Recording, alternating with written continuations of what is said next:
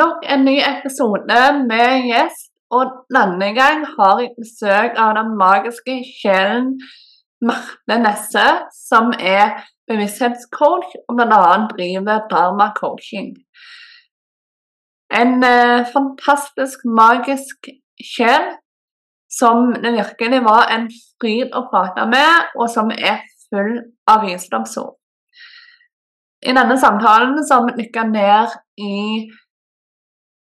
viktigheten av å føle på følelsene sine, viktigheten av å jobbe med skyggene sine og møte de. Det å dykke ned i det feminine, mye mer slipp på det maskuline. Og virkelig bare overgi seg og kjenne på at uansett hva, så har jeg det bra. Så her vil òg Marte dele litt av sin historie med deg. Og vi prater litt om manifestering.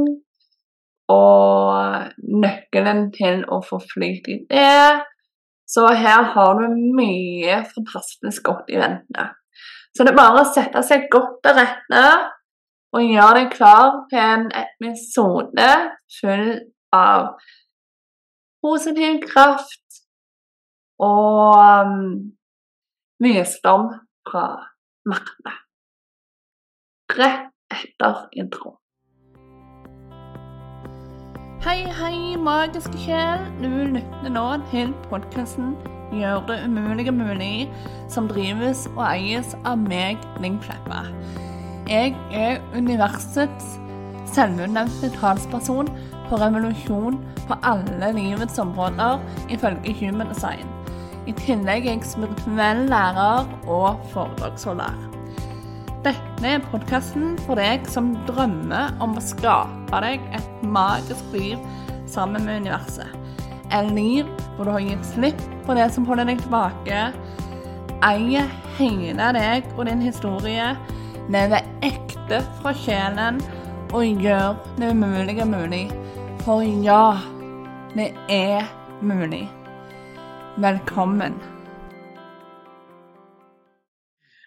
Hei og velkommen til deg, Marte Nesse. Tusen takk. Takk for at du ville ha meg her. Tusen takk for at du ville komme eh, i dette her digitale podkaststudioet mitt. Eh, så sånn aller først, til de som ikke kjenner deg, har du lyst til å fortelle litt om hvem du er? Ja, det kan jeg. Jeg heter Marte Neste. Jeg er 37. Jeg har mann, tre barn, og jeg driver firmaet Dharma Coaching. Og jeg er jo utdanna Innenfor dette er jeg utdanna intuitive coach. Å, spennende. Eh, ja. Så det var jeg ferdig utdanna i 2018. Så det syns jeg er en veldig spennende, spennende tilnærming til det spirituelle, da, kan du si.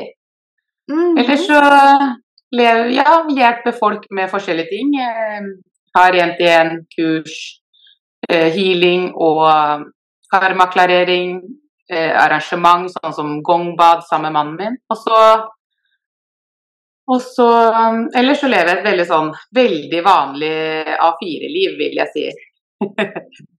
med ja. travelt eh, hverdagsliv. Ja, det tror jeg på.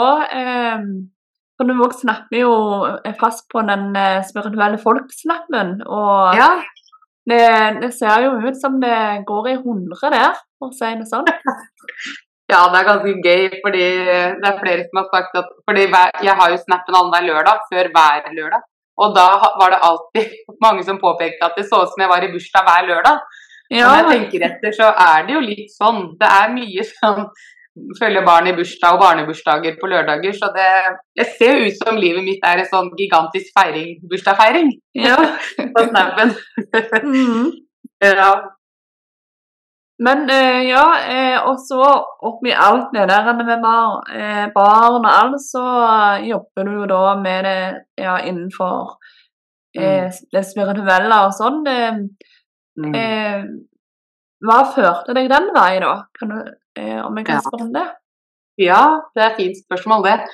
Jeg føler at det er um, Den oppvåkninga mi, det skjedde sånn i 2012, vil jeg si. Før så var jeg Jeg var et veldig våkent barn, sånn som mange er, tror jeg. Ikke sant? Født åpne. Og så Ja, ikke sant. Men så, så Jeg kan huske at jeg hadde fantasivenner. Men Jeg husker liksom de var med meg overalt.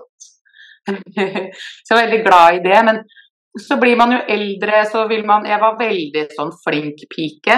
Veldig opptatt av å passe inn, veldig opptatt av å være flink, gjøre det godt, være flink på skolen. Gjøre som forventa. Var veldig trygghetssøkende. Mm. Så jeg eh, lukka nok den delen veldig. Man skjønner jo at det ikke er anerkjent å, ha, å, å snakke om de tingene. Så da lukker man seg. Så i tenåra så, så jeg en del ting som jeg syntes var skummelt. Jeg så noen, noen ånder, jeg så noen sånn mye mørke skygger i, hos venninna mi som det var veldig mørk energi. Så jeg, jeg, så en del sånne ting som jeg tror bidro til å lukke meg litt, ut fra mm. frykt. Og hadde mange av disse trossystemene med at alt det at det spirituelle, alt det åndelige, alt det overnaturlige, kanskje, som man kalte det i min familie, var skummelt. Ja. Um, så ja, litt sånne ting.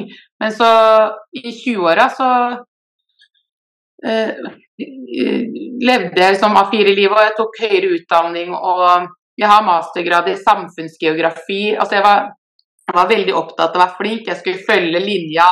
Jeg tenkte det da vil alt bli bra, da skal du bli lykkelig, ikke sant. Og så mm. fulgte jeg denne linja, og jeg ble jo sammen med mannen min veldig tidlig. Jeg var, jeg var 16 år. Oi! Eh, så jeg har faktisk vært sammen med han i snart 22 år. Ja. Wow, det er ja. veldig bra. Wow. Ja. ja, det er jo helt uh, merkelig at det Men ja. Så jeg hadde liksom ting på stell. Da, ikke sant? Jeg hadde dette hun hadde hadde ikke hus da, men jeg hadde, hadde liksom mann, jeg hadde liksom ting Og så hadde jeg tatt den utdanningen, og ting var på stell, følte jeg. Dette var planen min, ikke sant. Jeg var veldig opptatt av å være flink, jeg skulle følge Jeg skulle, skulle ha alle de tingene alle skulle ha. Skulle ha god mm. jobb, og trygg jobb, og skulle ha mann og hus og stakittier og alt det der. Og så Og nå har jeg det, jeg skal ikke si at jeg ikke lever hverdagslivet, men poenget mitt er at det, Men så begynte jo det at mannen min hadde lyst på barn. Og så tenkte jeg at jeg skulle bruke den samme tilnærmingen som alltid. Bruke viljestyrke, rå makt, veldig sånn maskulin energi. Veldig sånn ja. handle Bare få det til å skje, bit tenna sammen, gjør det du må gjøre. Eh, liksom bare viljestyrke. Bare du vil noe, så kan du bare gjøre hva du vil. Bare kjør på. Ja. Eh, og da vil alt løse seg. Og så for sånn hadde livet mitt funka uten å behøve å kjenne inn. Og så skjedde jo ikke det med en gang. Og da trigga det en oppvåkning i meg. For da måtte jeg møte en sånn dyp frykt for hva skjer hvis livet ikke blir som jeg har lyst til. Da måtte jeg møte disse skyggesidene, ikke sant. da vil jeg føle meg mislykka, skamfull. Plutselig begynte jeg å kjenne på følelser jeg ikke hadde kjent på, som jeg hadde undertrykt i all tid. Og så mm begynte så, så, ble jeg tiltrukket av en eller annen grunn, jeg kan ikke huske hvorfor, men til Abraham Hicks. Oh, så Abraham, er jo fantastiske. Mm. Ja. ja. Så fant jeg masse YouTube-klipp av Abraham eller Esther da, Hicks som kanaliserer Abraham, og, og, det bare var som å komme hjem. Det, det, var, det bare Det minna meg på alt sammen, mm -hmm. hva jeg egentlig visste. Mm, så det var bare at jeg trengte å få noe som gjorde at jeg ble, skulle bli jeg, litt, jeg hadde jo følt at jeg hadde opplevd mye motstand i livet, men jeg hadde bare møtt motstanden min med mer effort, med mer viljestyrke. Og så uh, hadde jeg overkommet ting. Og så nå så måtte jeg lære en ny tilnærming, og det er ikke å overkomme, men å hengi. Og det var en Og det fortsetter jeg å lære den dag i dag, det skal jeg si. ja. ja. Men det er jo fantastisk, og jeg hører jo allerede nå, at, og det visste jeg jo egentlig fra før, at vi har jo litt samme greiene. Eh, for jeg òg, når jeg oppdaget Abraham Higgs så mye av det der, der jeg har eh, oppdaget på denne spirituelle reisen, så er det som du sier, det er å komme hjem Mm. og eh, huske på ting som du egentlig allerede visste, men som du på en måte hadde glemt. Ja, for det er jo det. Det er ikke noe nytt egentlig, ikke sant, det spirituelle. Det er jo bare Vi Mm. veit det egentlig. Det er, det. det er ikke noe vi bør lære. Mm. Og så kjenner jeg meg veldig igjen i det du forteller med dette her eh, å være maskulin maskulinstyrt kontra Mm. femininstyrt. Mm. Bare jeg har gjerne hatt Jeg har òg brukt mye dette her Har vel, veldig stort kontrollbehov i forhold til å prøve å kontrollere alt i livet mitt, sant? Og istedenfor å, sånn som du sier, hengi deg, eller overgi deg da til Mm. det som ikke er så bra, møte skyggene dine og, og eh, gå mer innover og finne den der feminine sida av deg. Ja. Um, og det er mye healing i det, altså å jobbe med skyggene sin, eh, sine og sånt.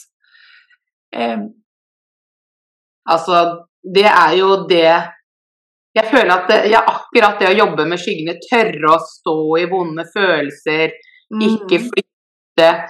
Og, og, og jeg tror kanskje at jeg, som så mange andre tidlig i prosessen, var veldig opp... Jeg, jeg, jeg tolka Abraham, og det er ikke det Abraham sier, men jeg tolka alt som ble sagt innenfor disse tingene, denne, dette nye verden, så tolka jeg det Egoet mitt tolka det som da må du bare tenke positivt hele tiden. Du må ikke tørre, ikke møte følelsene dine. Ikke du, du skal ha high vibes, og du skal liksom bare late som alt er bra. Så jeg gikk også gjennom en veldig prosess der, kanskje et år eller to. Altså, jeg følte veldig på at eh, jeg kan ikke tillate meg å, å dykke litt ned og kjenne etter. Så det var fortsatt mye den maskuline der.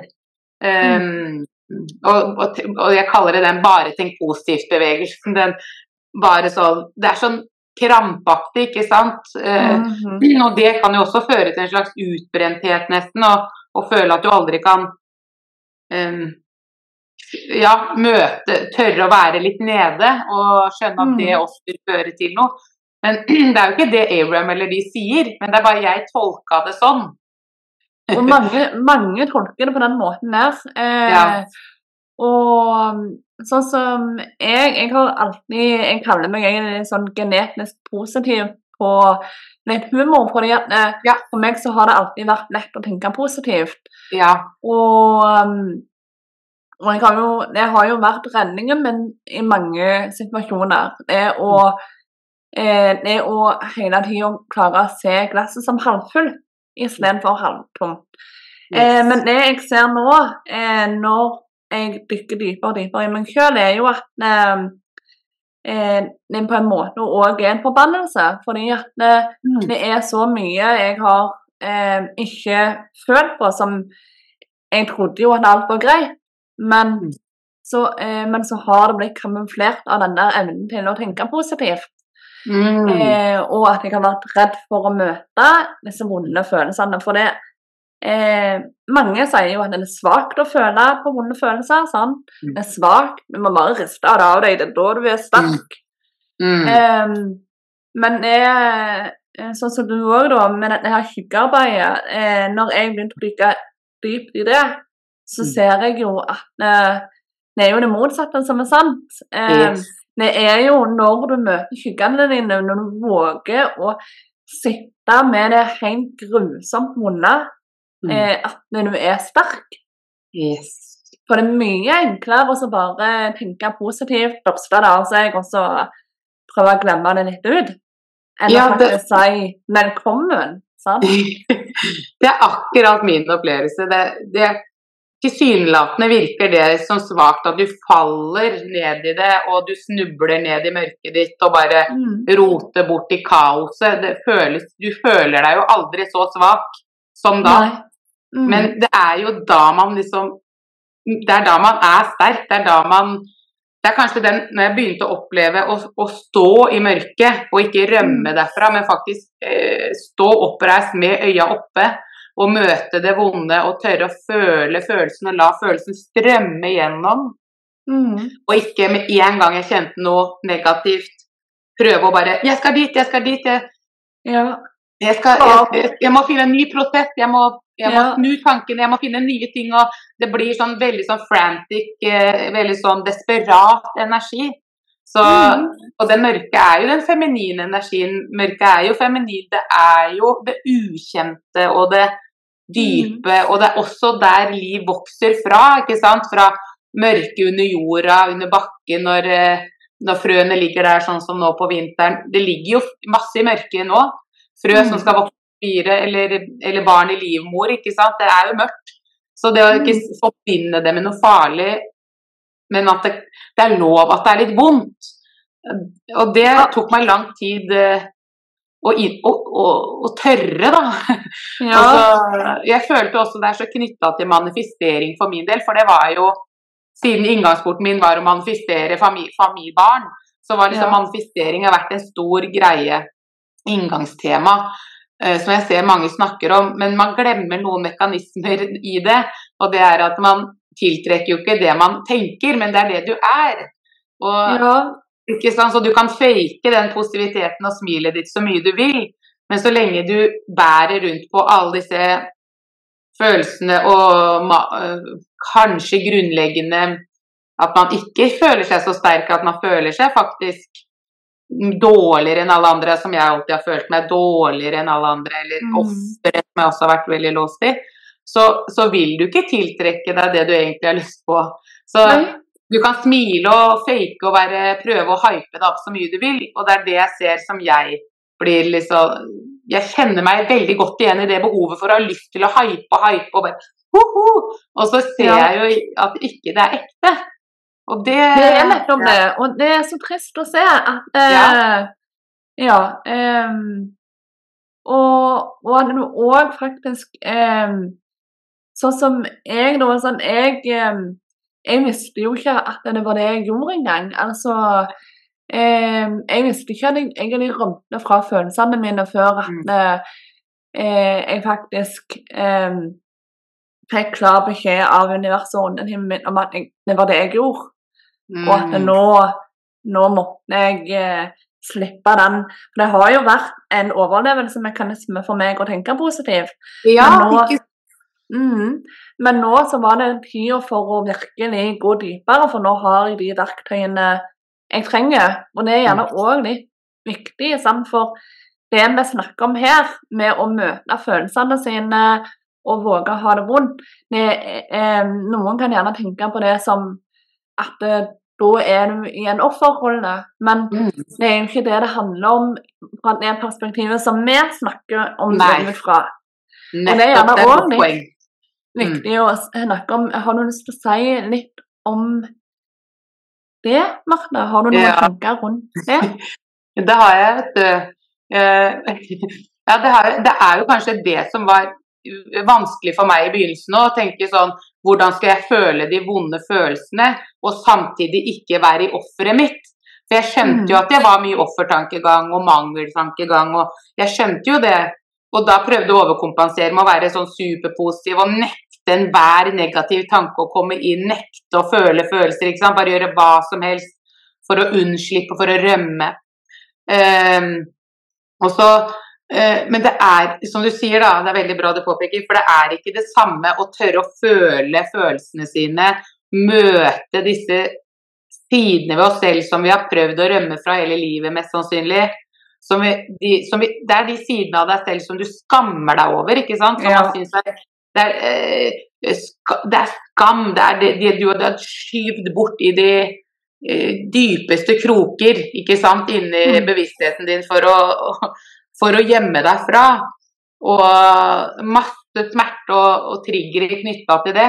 Og så, Det er ikke å være i offeret sitt og synes synd på seg sjøl, men det er å tørre å føle det og anerkjenne det. For det er jo det eneste som funker, er å anerkjenne det. OK, jeg Mhm. føler det sånn, det, det er ekte for meg. Mm. Og selv om ditt høyere selv ikke ser det sånn, så er det mennesket i oss som ser det sånn, og det må få lov til å få plass. Men så Mhm. være i offeret vil jo være, så være i det negative. Å være negativ vil jo være å ikke egentlig tørre å Det er også ikke gå noe dypere. Bare, nei, sånn er jeg. Nei, jeg, det er alltid, det er, dette skjer alltid med meg. Ja. Sånn tenkte jeg før jeg våkna veldig mye. Sånn ja, ja, negative ting skjer alltid med meg. Eller Ja. jeg, jeg kan jo aldri lykkes i noe, jeg. Ikke sant. Det, Ja. det er mer å være i offeret. Men det er ikke For å gå ned i det vonde, så krever det et helt nytt nivå av mot, vil jeg si. Mm. Ja. Så det vil jeg si er forskjell. Ja, og det er veldig godt eh, sagt. Eh, og så er det òg Kan du gjerne òg tenke på hvordan du møter det vonde. Sant? For vet du eh, Offeret òg syns jo veldig synd på seg sjøl. Og, eh, og det å være den energien, det er jo òg å være i en offer. Men eh, for det jeg har merka, samme hvor vondt det var, eh, og jeg kunne synes eh, det er synd på meg sjøl med tanke på Det føles jo til tider ut som at noen tar tak i hjertet ditt, og så river det fra hverandre. Ja. Eh, men så er det den der eh, myten da som jeg kjente på, at det, dette er healing. sant? Dette skjer for meg, og når jeg møter det, så blir jeg sterkere, og jeg hyles.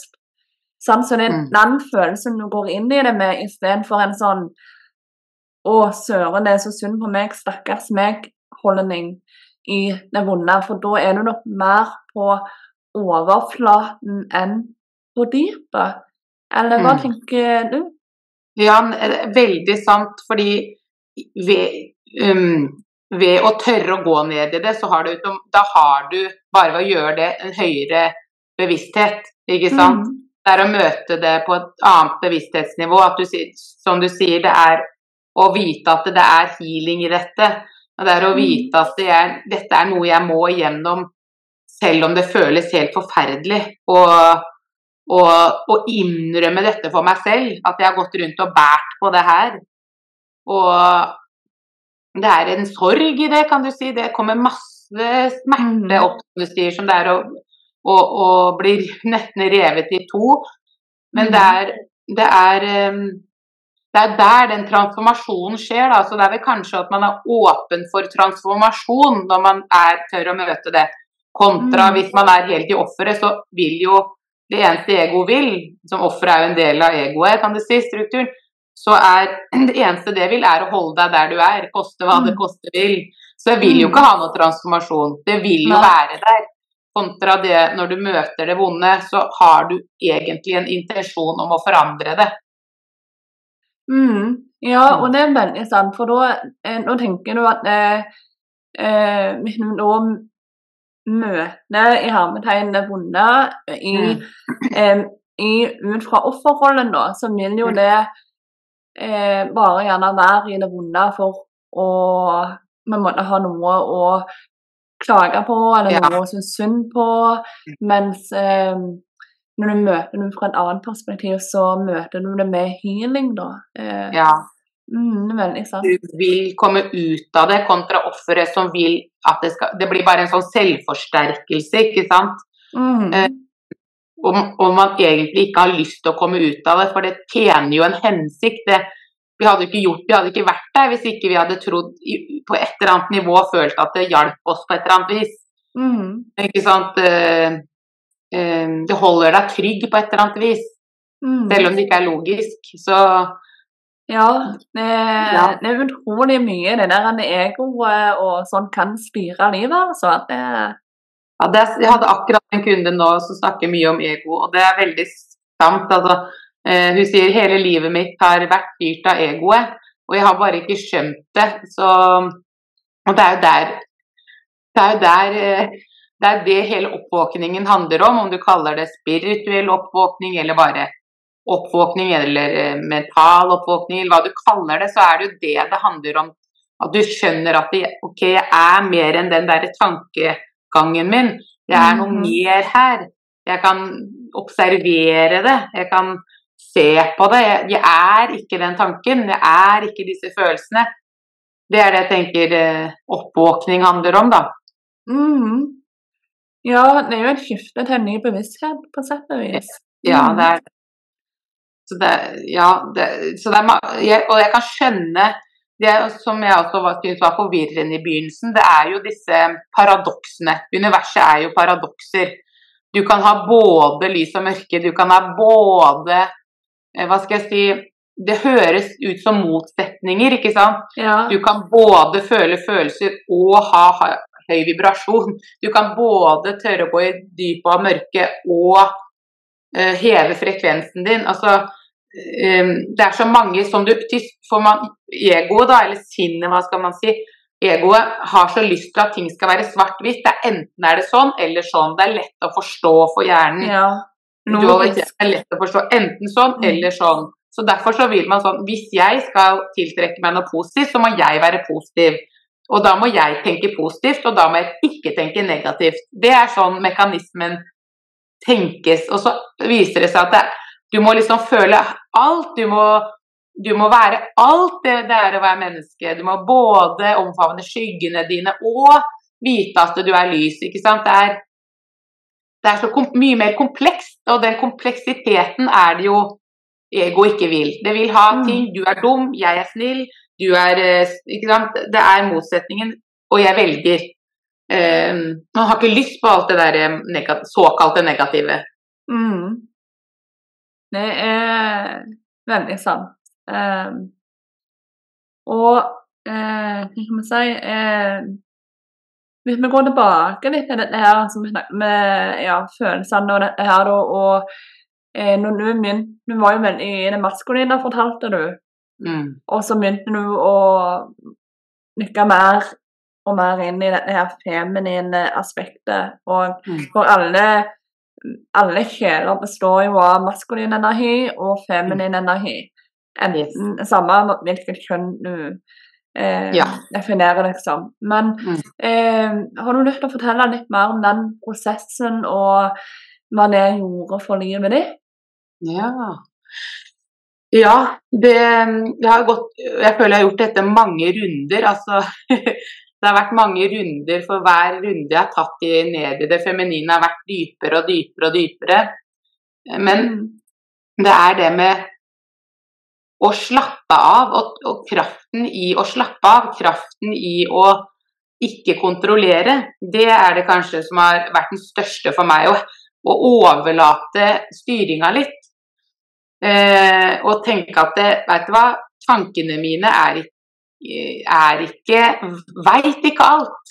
Mm. Og, og, så Derfor så er jo det å hengi seg, som er en sånn stor spirituell praksis, kan du si, surrendering, det er jo Ja. veldig knytta til feminin energi.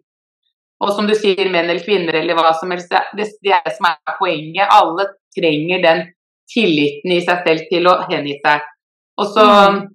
Så for meg er ikke feminin energi Mange tenker på rent sånn det er hvile, og maskulin energi er å handle.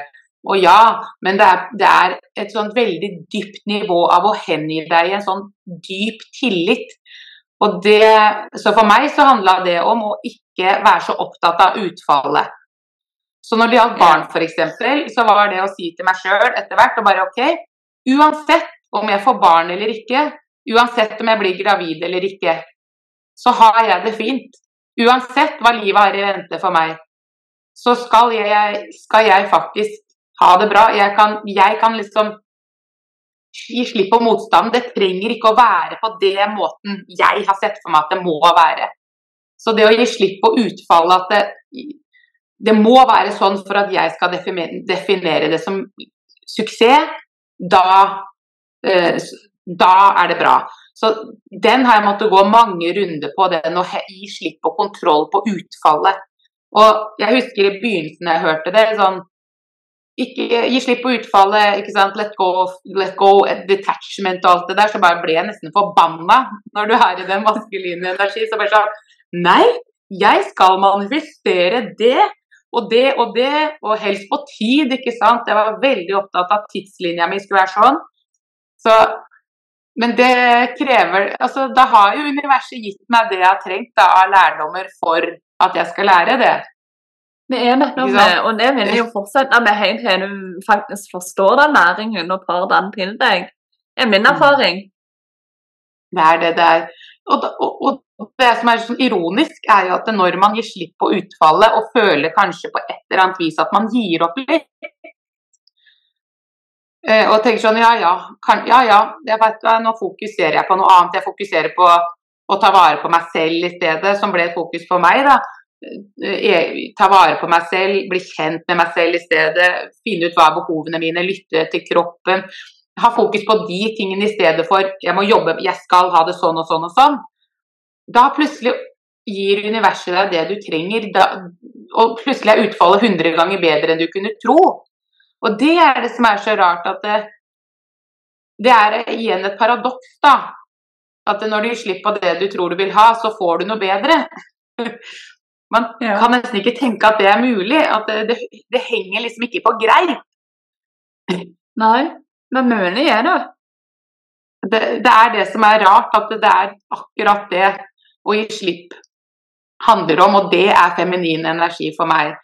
Å ha den dype tilliten til, til livet, til universet, hva du vil kalle det. Mm. Det er det er den. Det, og det er uh, skummelt. Og det er da man kanskje også må møte disse skyggesidene sine. Men det er mm. så, ja. ja, uh, det er liksom det der, der med maskulin energi, der du analyserer alt, uh, overtenker alt opp og ned i mente, du bruker logikk for å finne ut av ting. Mm. Alt er høssel, høssel, høssel. Sånn. Eh, streving. Eh, ting skal skje så fort og hardt og ditt og datt. sant?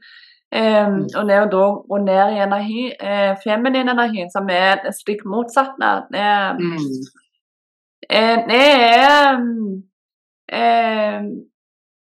det er veldig sånn Det krever veldig mye av den der eh, overgivelsen eller eh, mm. hengivelsen som du eh, snakker om. Og det krever Men eh, det som jeg ser, er jo òg at det er ekstremt frigjørende. Ja. På så mange måter. Det er frigjørende, og det høres også litt sånn rart ut for empowerment og liksom få krafta si. Det høres ut som veldig maskulint. Sånn nå skal jeg styre, jeg skal manifestere, jeg skal skape. Go make it happen. Det mm. høres ut som kraft.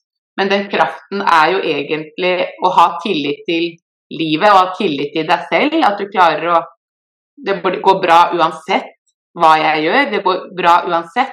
Det er på en måte Det er kraft, det. Ikke sant? Det er, det er det. Ja. Det finnes vel ikke mer kraftfull kraft enn det. Nei. Å bare kjenne på den der Uansett hva som skjer, så vil jeg ha det bra. Ja det er det, og jeg, jeg, kommer til å klare meg, det kommer til å gå fint selv om jeg må møte noe vanskelig, selv om det er vondt, selv om følelsene kommer, selv om jeg må gå i mørket, så kommer det til å gå bra. Ikke sant? Mm. Det, det, selv om det er vanskelig og vondt, så går det bra. Det er den, og det er det er jo det er der vi har motstand, ikke sant? for vi ønsker jo at det bare skal være sånn positive opplevelser, glede, Eh, masse av det du ønsker hele tiden. Men det er jo kanskje ikke alltid det man trenger. jeg ville jo ikke vært det og mine opplevelser foruten, for det er akkurat det jeg har trengt for å forstå. Eh, hadde livet bare, bare fått alt jeg ville hele tiden og bare bam, bam, bam, bare, så, så, hadde ikke jeg fått utvikla de tingene. Nei, du hadde ikke lært noe ting. Nei, hadde ikke det. Så skal, når man snakker om sånn manifestering og sånn, så må man være litt obs på det. At det, det, handler ikke bare om liksom å skape det egoet har lyst til å skape. Eh, det, eh, for det, det, er ikke sikkert det er det du trenger. Og det er liksom Det høres så vondt ut, det høres som Men jeg vil jo det.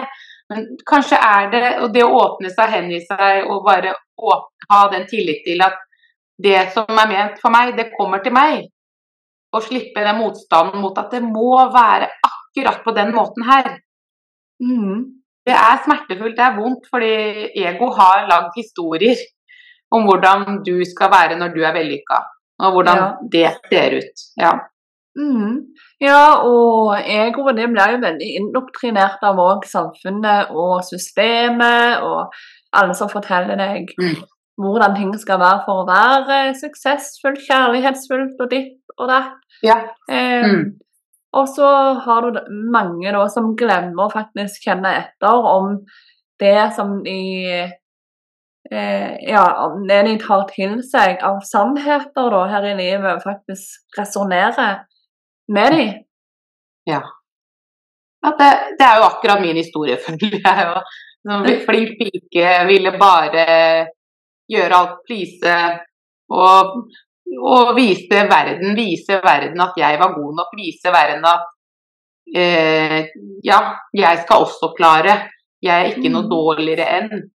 Og i min definisjon da, så var det høy utdanning, trygg jobb, barn, familie, alt det der. Og så sier jeg ikke det, for, som jeg sier, det er jo det livet jeg lever nå, så er ikke det at det var feil. Men eh, å ha det som, å ha de verdiene som det som definerer meg som suksessfull eller vellykka eller ikke, det har jo endra seg. Mm. Ikke sant? For det, det er ikke det som gjør livet At jeg har de tingene, er ikke det som gjør om jeg kan kalle, føle meg en suksess eller ikke. Det er jo hvordan du har det, hvordan du tar ting, hvordan du håndterer livet. Det er det mm. som gjør Det er i hvert fall en bedre definisjon av, enn hva som foregår i ytre delen av livet ditt, vil jeg si. Mm. Mm. Det er jeg helt enig i. Eh, hvis alle hadde styrt suksessmåleren mot å ha det mest mulig bra, så mm. hadde, hadde, verden vært et bedre sted, tror jeg. Ja, tror du ikke det? Hvis alle hadde vært litt mer opptatt av å gå inn og kjenne etter er det dette jeg vil, da? Eh, mm. Kan det være noe annet her, da? Eller er disse målene mine jeg har satt meg fore som um, jeg jobber så hardt mot, er det kanskje traumebasert? Ikke mm. sant? Mm. Det er faktisk, eh, som du sa, da, din egen traume, eller din egen måte å være møte verden med bare positivisme, kan også vært en traumerespons ikke sant, for å overleve. Det er, det er jo det mm. man kanskje finner ut av, at noen av de tingene man har vært flinkest til, sånn dette er flink til, det er kanskje rene traumeresponser. Mm. Og så sitter du gjerne der og tenker nei, jeg har ikke traumer. sant? Men så ja, Det er jo et stort tema. ja. Eh, eh, så det å bare invitere seg sjøl inn på innsida av seg sjøl, det, det mm. ligger det mye bra i. Ja, det er der eh, alt gullet ligger. Hvis vi tør å, å grave etter det gullet i oss selv, i stedet for i framtida, da jeg har oppnådd det og det og det, da er livet bra. Da da skal jeg være suksessfull. Og da, da, skal, da skal, jeg, slappe av å være i min feminine energi. Da skal jeg mm. hvile, ikke sant. Det er veldig den mekanismen der som er logisk. At man tenker nå skal jeg høsle, jobbe hardt, slite meg ut. Nå skal jeg bite tennene sammen, brette opp ermene og stå i det. Og, så skal jeg høste godene, på en måte. Det har i hvert fall aldri vært min opplevelse har skjedd. For de godene du tror du skal høste, det blir ikke, de smaker ikke godt. Nei.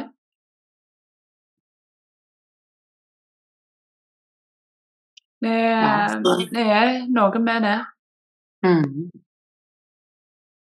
Så eh, nå vet Nå forteller fortalte jo eh, at du har eh, barn, så vi vet jo at den historien gikk eh, godt.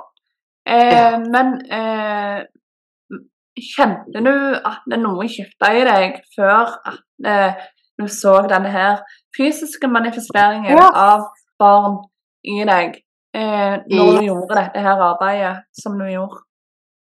Det, det, er så sant. For det, det, som skjedde, var at jeg til slutt tenkte sånn Nei, vet du hva. Det hadde gått kanskje et halvt år, så tenkte jeg sånn Nei, vet, vet du hva, nå skal jeg bare kose meg. Nå skal jeg nyte livet som barnløs, som ikke har barn. Nå skal jeg nyte alle godene det er med det, så jeg begynte å være masse sammen med venner i stedet. Gjorde alle de tingene, for jeg hadde en forventning om at jo da, det går nok bra.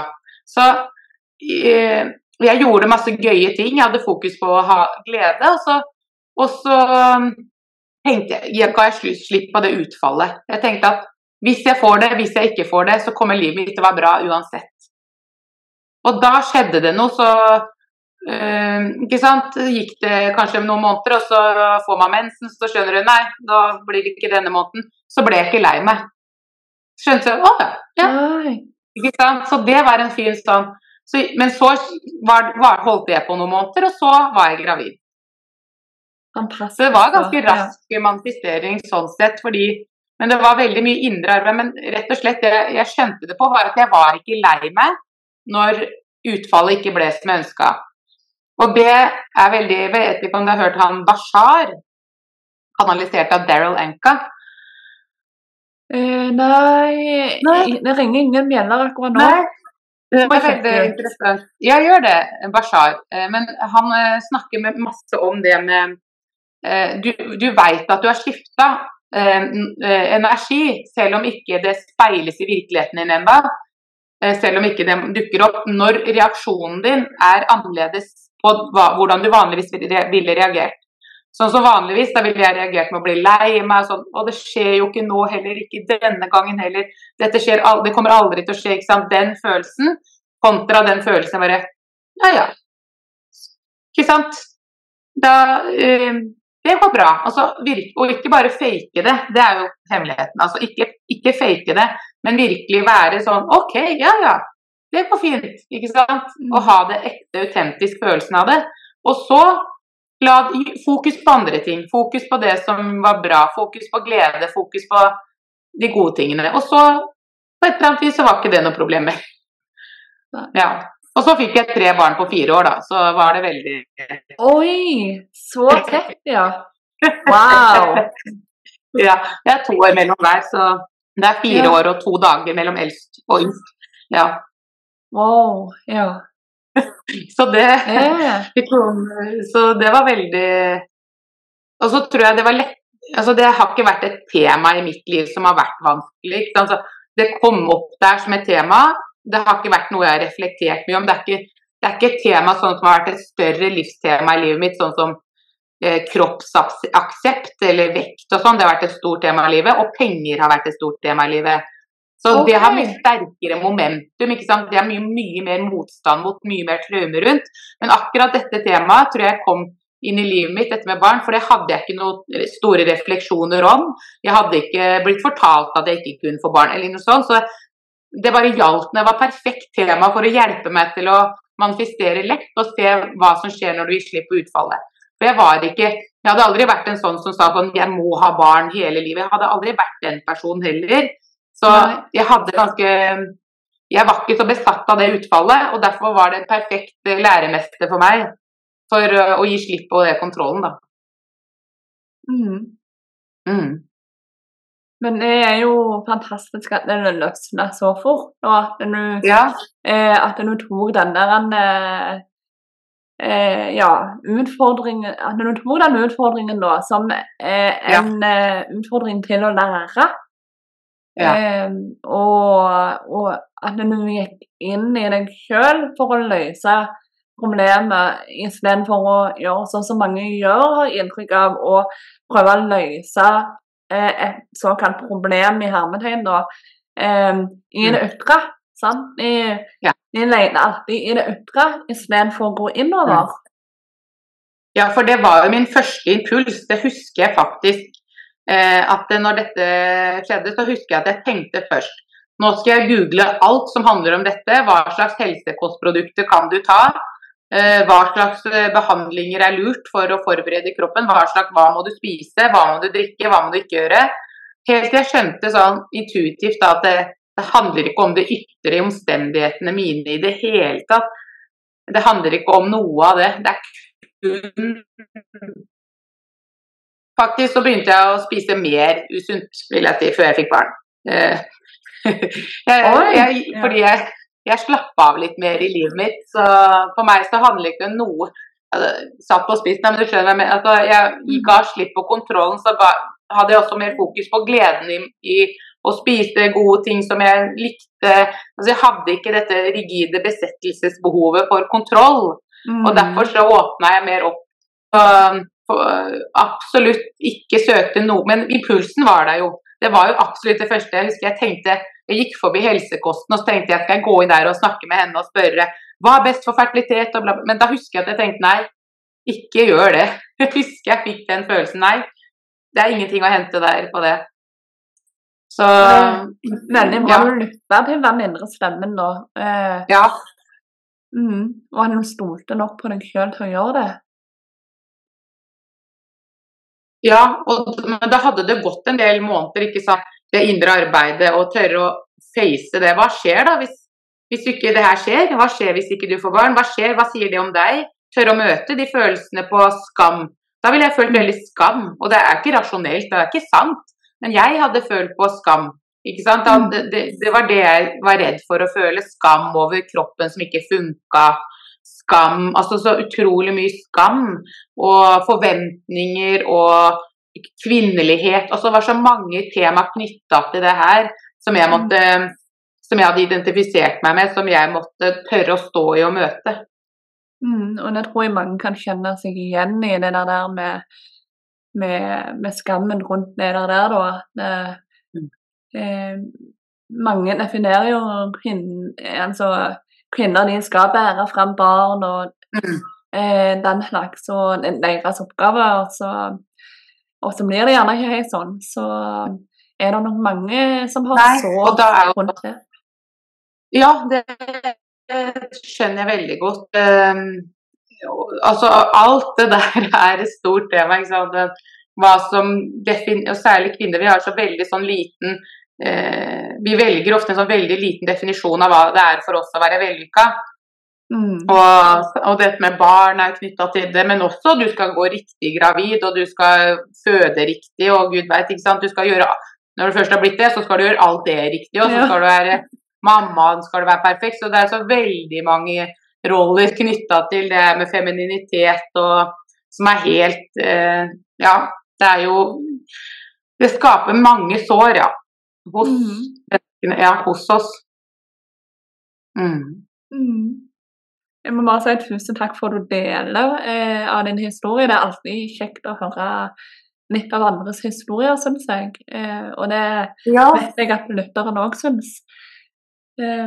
Ja, det er veldig viktig, syns jeg, å dele det man kan, ikke sant. Det man, for det er jo Jeg har alltid vært, hatt veldig nytte av å høre andres historier uansett utfall, så gir det meg på et eller annet vis et håp eller en, en, en ro til å finne tillit der jeg er, når jeg hører andres historie. Ja, så Derfor så syns jeg det er viktig å kunne dele. Absolutt. For det, når du er oppi ting sjøl, så kan du føle deg veldig alene. Sånn, for eh, mange av temaene er det ikke så mange som snakker om heller. Så det blir for mange eh, temaer er jo litt sånn tabu fremdeles, synd å si det. Men. Eh, mm. det å med å da eh, oppleve at noen prater om det, eh, eh, gir jo en følelse av at eh, vi er faktisk ikke alene. Mm. Nettopp. Og det å Jeg føler at mange ting kan bli snakka om sånn som eh, barn eller foreldre og alt det som er vanskelig. Men det, kan være vanskelig å snakke om det fra et spirituelt perspektiv, eller at man eh, forstår de historiene, på en måte. Altså, det blir jo kanskje for lite snakka om. Eh, at vi forstår hva, hva, lærte vi av det, i stedet for å finne feilene med det. fordi mange snakker jo om hva som er feil med at samfunnet definerer kvinner som fødemaskiner, det er det jo litt snakk om. Men, sånn, men hva betyr det for meg og min historie? Altså, det å forstå den dypere hensikten, eller hva man kan lære av de vanskelige tingene man går gjennom, det er kanskje ikke det snakkes like mye om, da. Nei. Så, eh, noe sitter nå og hører på og eh, kjenner seg veldig igjen i det du har fortalt. Og, eh, og sitter der og tenker at eh, OK, de må nok ha et dypdykk. De må nok må, våge å møte eh, det vonde og, eh, og gi det slipp for at manifestering skal skje. Eh, samme hva de mm. ønsker å manifestere. Har du noen mm. tips til de som hvordan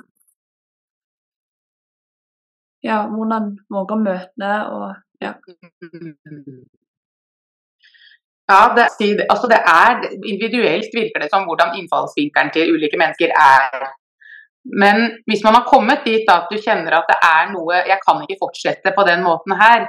Så det, å, det er å begynne å bli litt sånn bevisst på de vonde følelsene. Så i stedet for å dytte det bort, bare, man kan begynne med å bare begynne å føle. Så kjenne sensasjonen i kroppen. F.eks. hvor sitter den følelsen her? Er det hjertet, eller kjenner jeg det i magen, eller er det foten? ikke sant? Bare det kan begynne å åpne deg litt for å bli venn med følelser. Og så, eh, hvis man er god på det og føler følelser og kjenner fortsatt at det, følelsene kommer jo hele tida, og jeg anerkjenner det, men jeg klarer ikke å komme videre, da er det kanskje noe med dette kontrollen. Det er å gi slipp på utfallet. Og så tørre å stille seg noe sånn OK, hva skjer da hvis dette ikke skjer? Hvis eh, den manifesteringen jeg har lyst til å skje, ikke skjer? Og da kommer ego Da har man jo lyst til å bare Nei, det kan ikke skje, det kan ikke skje. ikke sant? Og det, da er det den følelsen du må møte. Tør å møte den frykten der. Hva sier samfunnet om deg da? Hva sier eh, foreldrene dine? Hva sier vennene dine om du ikke lykkes i det? Hva er Ikke sant? Om dette ikke skjer. Så det å tørre å, tørre å tenke den Spørre hva er mekanismen bak hvorfor jeg ønsker det her, mm. i det første omgang, og hva skjer hvis jeg ikke? Hva sier de om meg? Hva slags trossystemer om meg selv har jeg som gjør at jeg føler at dette må jeg få til? Mm. Så det kan hjelpe for å åpne litt for å for, se hva som foregår, da. Hva er det ego egentlig driver med her? Så det er å møte seg selv med nysgjerrighet, åpenhet og for all del ikke dømme. Ikke dømme det som du får opp som feil, eller tenker 'jeg burde jo visst bedre'. Eh, man vil jo gjerne ikke ha noe ego når man har vært på den spirituelle veien noen år. Så vil man jo tenke sånn Jeg har jo ikke noe ego lenger, men det har vi jo. Ikke sant? Alle har det, ja. Altså, Alle har det. Ja, hvor mye kontroll vi gir det, da. Ja, det er akkurat det. Så det er jo forskjellen nå på hvor bevissthetsnivået man, hvor bevisst man er på det. Men at alle får de tankene av og til, ikke sant. Og det, alle går i de prosessene, og det er vondt for alle sammen møter, å møte det. For det er vondt å møte frykten og skammen og, og i slipp og kontroll. Det er i hvert fall kjempevanskelig for meg når jeg sier til meg selv nå må du slippe utfallet, Marte. Du, det, du, ikke prøv å styre det, bare la det skje. La ting som er meant to be. Og Jeg fikk et sånt bilde av det her om dagen. Jeg prøvde å skrive noe om det òg, men får se om det blir en tekst. Men det er den der følelsen for meg, da. Jeg ser for meg ser for at du, du går på en vei, og det er stien din. Og den er ganske fin og ålreit rett fram, men den er liksom den samme du alltid har gått på. Så føler du behov for å skape en annen vei, så begynner du å lete etter avstikkere til et nytt liv. Sånn ah, 'Jeg har lyst til å finne min vei, jeg har lyst til å finne min vei'. Jeg har lyst til å leite. Og sånn opplevde jeg det hele livet. At jeg har lyst til å finne noe annet enn den stien jeg går på. Så jeg har lyst til å så har jeg brukt viljestyrke og da har jeg liksom brukt machete som viljestyrke og bare ja. rivd meg gjennom jungelen for å prøve å finne en ny vei til den verden jeg har lyst til å leve i. Så jeg har lyst til å rømme fra den veien jeg går på, og så bare bruke viljestyrke og makt og bare slå ned. Så kommer du tilbake da blodig og forslått hver gang, ikke sant? for du finner jo aldri den veien som ikke er din. I stedet for å bare hengi deg til den veien du faktisk går på. Og bare Jeg går jo på den veien her, og den vil føre meg dit jeg skal. Det er analogien. Spennende analogi. Eh, takk for den ene. Eh, eh, ja, det er jo det er jo òg en måte å se det på. At, eh, eh, at det, du gir litt slipp på stresset med å ja. prøve å finne noe som kanskje ikke har dukket opp ennå. Ja, nettopp i stedet for å prøve å make it happen. Bare se hva ja. som skjer hvis du gjør det beste ut av å gå på den veien din. Nyte utsikten, se hva som skjer. Ta deg pauser, ta det med ro og se at veien er der hele tiden. Og den blir til mens du går. Du trenger ikke å lete i det eksterne og lete og, og jobbe så hardt for å finne den der veien. For, og der kommer den tilliten inn til at den veien du går på, den, bli, den kommer dit du skal. Mm. Mm. mm. Fantastisk, Marte. Her var det mye gode tips å hente. Og nå, eh, sitter jo inne med utrolig mye visdom. Så takk for at du deler. Ja, det er jo veldig hyggelig å ha en arena også. Også gode spørsmål, da, så man setter i gang noen prosesser som man kunne svare. det, det, ja, jeg syns sjøl det er veldig greit med litt sånn spørsmål å få noe å respondere på. Så mm. Ja, for det er jo Hverdagen går jo for meg jo, ikke sant, og ting skjer og ikke sant, Det er jo ikke alltid Jeg føler ikke akkurat um, Jeg tror de fleste som deg også, du går vel ikke rundt og føler deg som verdens klokeste og smarteste hele tiden. Og føler at jeg er alltid så hvit og lur, jeg. Det er jo ikke sånn for noen. Nei, absolutt ikke. For som du nevnte, vi har en ego, og det, det syns aldri godt om eh, seg sjøl, for å si det sånn. Nei, ikke sant. Så derfor er det så fint å kunne bare snakke om de tingene og satt ting litt i sånn, ja, en sammenheng, da. Absolutt, mm. helt enig. Mm. Så sånn før vi eh, går, eh, avslutter, da, er det noe du eh, føler du har lyst til å si som du ikke har fått sagt?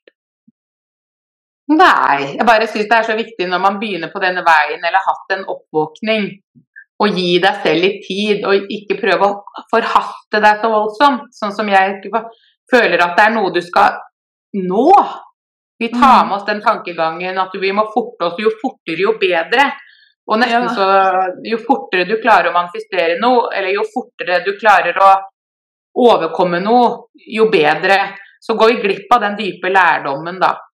Mm. Og så er det det med eh, Et poeng som jeg prøver å si i alle fora jeg kan, det er høy vibrasjon er ikke nødvendigvis å være sånn øh, jeg, jeg, Alt er så bra, alt er fantastisk! Altså, det er ikke nødvendigvis høy vibrasjon. Så det å high vibe for noen er faktisk en, bare en sånn veldig dyp ro og bare en fred, indre fred og takknemlighet. Og kjenne på en sånn ja, tilfredshet over livet som det er. Det kan være high vibe for noen. Så hvordan det utspiller seg for deg å ha høy vibrasjon, det må, liksom, det må du finne ut av. Og så, sånn som sikkert mange, men sånn som meg, og følte at jeg måtte være så på hele tida. Sånn Eh, jeg, jeg, er så glad, jeg må ja, vise verden at jeg, ikke sant? Ja. og det er ikke Og det er så mange som når jeg sier det, så er det man alltid får tilbakemeldelse. Å, så godt å høre at det, jeg kan slippe den. Ja. Så det, ja, At du kan slippe disse rollene og maskene. Det er jo hele poenget med den oppvåkningen. Det er nettopp det. Og det, Martin, det er det så viktig at du påpeker Eh, og jeg syns Her må jeg bare dra inn en sånn greie til Abraham Hicks, for jeg ja. syns det var en sånn fantastisk måte å si det på. For eh, det, var, det, var, en tekst som det jeg hadde skrevet, liksom at det, eh, det var, De hadde fått tilbakemeldinger på at mange hørte på dem, og leste det som ble eh, skrevet, og hørte på det som ble sagt. Og sammen allikevel så eh, skjønte de liksom ikke helt eh, hvordan de skulle komme den high vibe. Ja? Og nå, eh, nå skrev jo eh, Abraham Higgs dette her da, med at eh, Så da skal vi bare gjøre det helt enkelt for dere. Og så vil vi bare si én setning, og det er Gå ut der og fokuser på å ha det mest mulig bra. Vær lykkelig. Ja. Vær lykkelig. Samme hvordan du gjør det, bare vær lykkelig. Ja. Mm. Og egentlig, det, det er så sant. Altså ja. eh, For det eh, Ja, vi vet at det er autentisitet, kjærlighet, takknemlighet, positivitet Det er høyvibrerte følelser. Mm. Men eh, som du var inne på, da, så er det jo viktig å påpeke at eh, disse følelsene kan manifestere seg i kroppen din på annerledes måter. Sånn. Noen får den der ekstaseuttrykket som du så fint viste her. Mens andre er mer sånn laid back og i tillit og litt mer sånn mm. jorda. Mm. Og, og det syns jeg er så viktig å minne folk på yes, gå ut og gjør de tingene som gir deg glede, og uten å nødvendigvis overanalysere alt heller, ikke sant. Ja. Eh, eh, noe av det mest, beste jeg kan gjøre, er bare noen ganger så bare dra og ha en venninnekveld med to jenter og drikke litt rødvin. det kan gjøre meg topp. Og så er det noen Ja. som er veldig imot det, men for meg så er det fantastisk. Eller bare å gå helt aleine ute i skogen og isolere meg i tre timer og ikke være sosial, ikke gjøre på noen ting. Det kan også få en utrolig ro, ikke ekstase. Altså, så det bare å slutte den dømmingen over hvordan du syns det burde se ut, og kose deg. ikke sant? Ja, for det er jo det det handler om. Eh, Mm. Livet skal jo være bra. Ja, nettopp. Det skal det det være den- bra. Ja, og det er jo den overgivelsen som du prater om òg. Sånn, når, du- Mm. Når du overgir deg til den flyten og kjenner i deg sjøl at eh, Sånn som du sa så fint nå, at um, du um, At uansett um, hva som kommer din vei, så vil du ha det bra. Ja. Eh, og det er jo nesten ikke noe som er mer heiveid enn det, tenker jeg. fordi at det, da har du forankra det og gitt deg sjøl det løftet om at uansett hva som skjer, så skal jeg ha fokus på å ha det bra. Ja. Det kan skje vonde ting. Det kan Jeg kan føle det vondt, jeg kan møte smerte, eller jeg kan møte vonde ting. Men det betyr ikke at jeg skal lide. Det er jo det som Nei. er forskjellen, forskjellen som man snakker om i den store spirituelle verden. Det er jo forskjell mellom hva som skjer og lidelse. Det er ikke sant, Hele, hele buddhismen er bygd opp på det. Suffering. Eh, og Det er ikke sikkert at det, du trenger den å lide selv om noe skjer som ikke du har definert som positivt. Det er jo, og så sier jeg ikke at man ikke kommer til å få noen følelsesmessige reaksjoner, men det er det å ha den tilliten til at uansett hva som skjer, så kan jeg med bevisstheten min velge velge om eh, hvordan jeg skal se på det.